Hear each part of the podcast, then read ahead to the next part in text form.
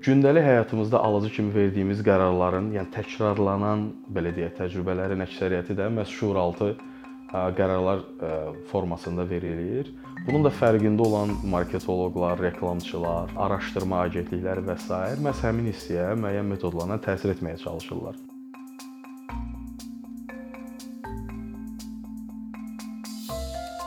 Bəzən olur ki, biz gündəlik həyatımızda bir sıra qərarlar veririk ki, onları əsaslandırmaqda çətinlik çəkirik. Bu qərarlar istər hər hansısa bir məhsulu alarkən, alış-veriş edərkən olsun, istər adi normal gündəlik həyatımızı davam edərkən verdiyimiz gündəlik qərarlar olsun. Bu qərarların əksəriyyətini biz şuuraltı vermiş oluruq.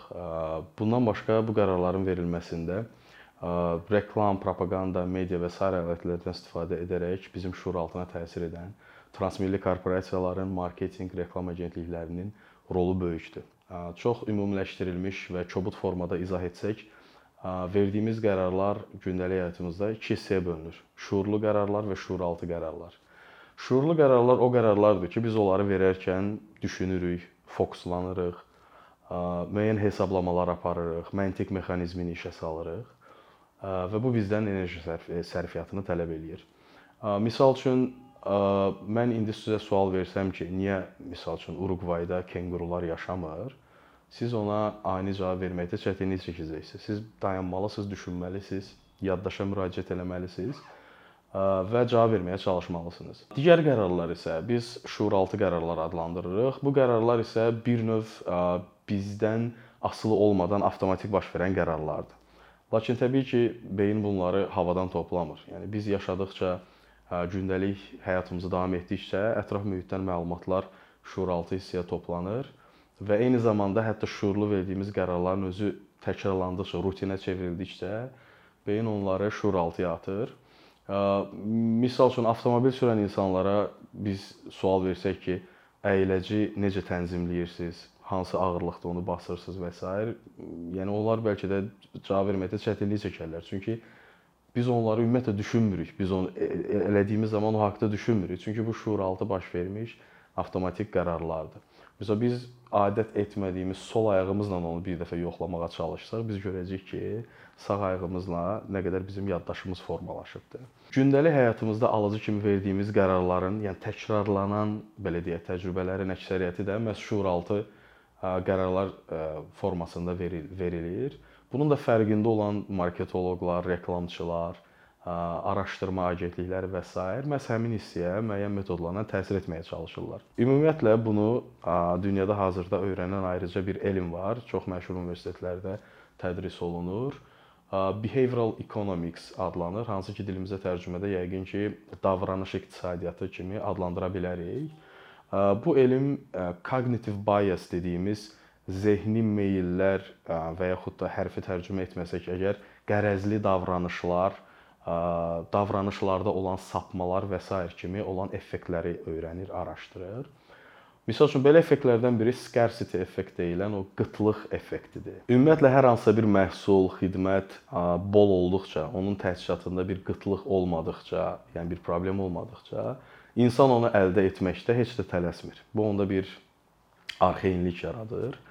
Lakin əksinə bir şey qıt olduqca, bir şey limitli olduqca biz onu əldə etməyə çalışırıq. Təbii ki, çox şirkətlər bunun fərqindədir. Məhz ona görə də məsələn reklamlarda çox tez-tez qarşılaşırıq ki, bu məhsuldan cəmi 5 ədəd qalıbdır. Məsəl üçün filan promo kampaniya başladı, lakin məhsul sayı limitlidir, tələsin. Bu insanlarda onu əldə etməyə daha çox maraq yaradır. Bunun bir başqa forması da FOMO adlanır, hansı ki fear of missing out, yəni itirmək qorxusu və yaxud əldən buraxmaq qorxusu kimi adlandırdığımız bir effekt də var. Bu da məhz scarcity effektlə çox yaxın bir şeydir. Burada da misal üçün kampaniyaların bitmə müddətinin çox qısa olması yenə də insanları tələsdirir. İnsan onu əldə etmək istəyir, zamanında qaçırtmaq istəmir. Belə çox yayılmış bu effektlərdən biri də öz dilimizdə sürü psixologiyası və yaxud da toplu psixologiya adlandıracağımız bu herd behaviordır. İnsanlar daima kollektiv formada yaşamağa üstünlük veribdir. Yəni bu təhlükədən qorunmaq üçün, soyuqdan qorumaq üçün, ovu daha uğurlu etmək üçün və s. Üzərindən 100 min illər keçsə də biz hələ də qərarların çoxunu həmin instinktə əsasən verməyə çalışırıq. Misal üçün təsəvvür eləyin bir şəhərdə gedirsiniz, tanımadığınız bir şəhərdir, küçə ilə gedirsiniz. Sizə restoran lazımdır, nahar etmək istəyirsiniz. Qarşıda 2 heç tanımadığınız bir restoran var, qərar vermək istəyirsiniz. Siz görəndə ki, restoranın birində çox adam var, birində heç adam yoxdur. Gözləmək bahasına başa gəlsə belə siz məhz adam çox olan restoranı seçmək istəyirsiniz. Çünki avtomatik düşünürsüz ki, o restoranda adam ona görə çoxdur ki, orada deməli xidmətlər yaxşıdır. Deməli yerli insanlar tanıyır. Oranın qiymətləri münasibdir, keyfiyyətləri yaxşıdır və s. Amma bəlkə də əslində reallıq elə deyil. Bu tam bir təsadüf ola bilər. Sadəcə biz kütləni orada gördüyümüz üçün ona daha çox meylli oluruq. Misal üçün hazırda rəqəmsal dünyada da bunun çox bariz nümunələri var. Siz hər hansı bir elektron ticarət saytına daxil olduğunuz zaman məhsul al almaqda biraz tərəddüdünüz olduqda, yəni bu orada təbii ki, saniyələrlə, vaxtla hesablanır.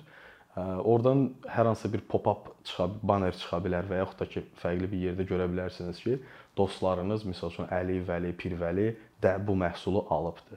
Yəni siz görəndə ki, sizin misal üçün Facebookda və yaxud da digər sosial sosial şəbəkədə olan dostunuzdan 3-5 adam da məhz bu məhsulu alır. Bu sizdə bir əminlik yaradır. Siz də artıq o güvən məsələsini həll etmiş olursunuz və rahat etibar edib məhsulu alırsınız. Başqa maraqlı effektlərdən biri decoy effekt adlanır. Decoy ovçuların bir belə deyək, şikarı aldatmaq üçün istifadə etdiyi plastik bir məsəl üçün ördək şəkli ola bilər, taxtadan bir başqa bir quş şəkli ola bilər ki, digərləri toplansın onun yanına gəlsin və ovçu rahat ovunu eləyə bilsin.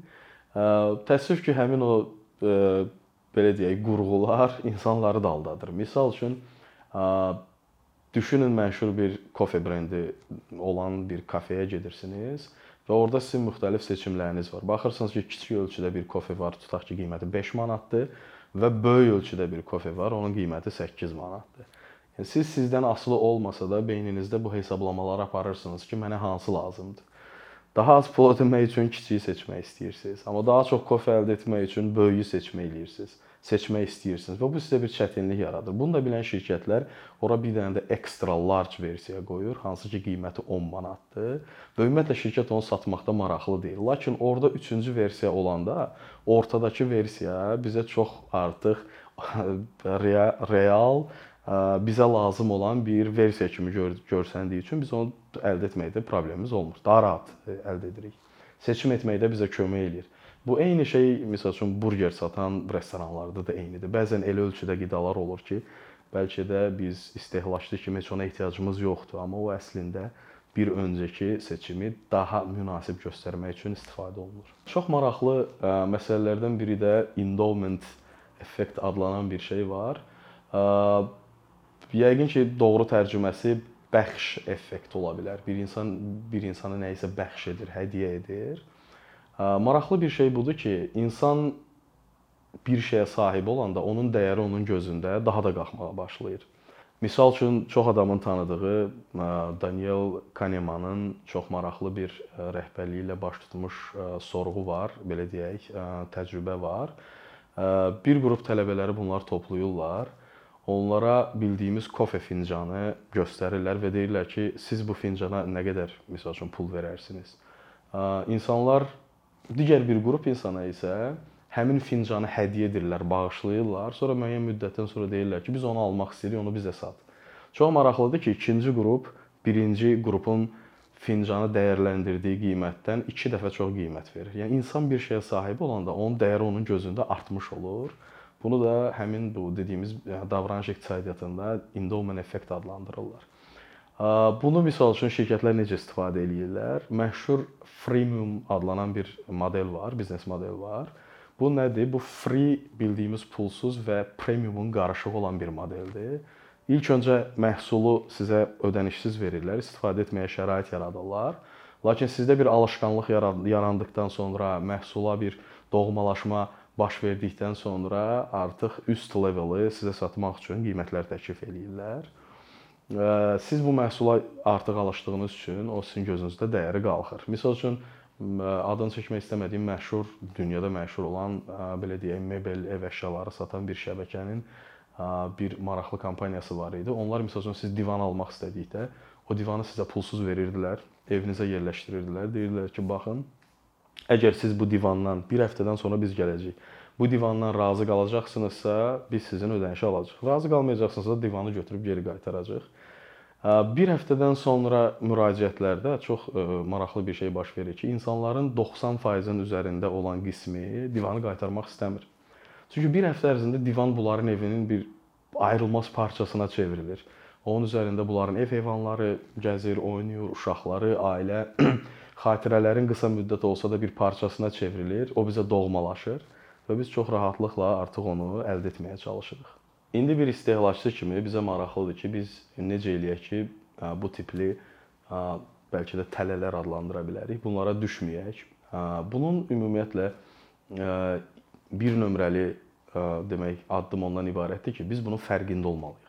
Biz ümumiyyətlə bilməliyik ki, bu tipli proseslər baş verir bizdən asılı olmadan. Biz ümumiyyətlə anlamalıyıq, qəbul etməliyik ki, bəzən şuuraltı hissə bizdən xəbərsiz qərarlar verir Bunun fərqində olmalıyıq. İlk, yəni etap bundan ibarətdir. Bundan başqa çox tövsiyə olunur ki, hər hansı bir limit içərisində qərar verməyək. Əgər burada bir vaxt sıxıntısı varsa da, əgər burada bir emosional bağlılıq varsa da, əgər hər hansı bir belə deyək, e, fiziki problemimiz varsa da, çalışaq önəmli qərarları həmin anlarda verməyək. Məsələn, belə bir e, yazılmamış bir qanun var ki, əgər açsınızsa da marketə gedib həftəlik alış-veriş etməyin. Çünki biz elə bilirik ki, biz həmişə ac olacağıq və başlayırıq ehtiyacımızdan çox-çox şeyləri almağa. Ümumiyyətlə yaxşı olar ki, biz alış-veriş etməmizdən etmədikdən öncə planlı olaq. Yəni biz əyləşək sakit bir güşədə nə almaq istədiyimizi dəqiqləşdirək. Təbii ki, burada önəmli alış-verişlərdən gedir söhbət. Nə almalı olduğumuzu, ehtiyacımızın məhz nə olduğunu müəyyənləşdirək, qeydiyyatımızı aparaq və alış-veriş edərkən bəlli bir siyahı üzrə və yaxud da ki, xatırladıcı bir not vasitəsilə alış-verişimizi edək. Həmişə alternativlərə baxmaq lazımdır. Yəni bir sizə təklif olunan təklif çox cazibədar olsa belə, bu o demək deyil ki, başqa bir təklif yoxdur həmişə alternativlərə baxmalıyıq, müqayisəli şəkildə qərarlarımızı verməyə çalışmalıyıq.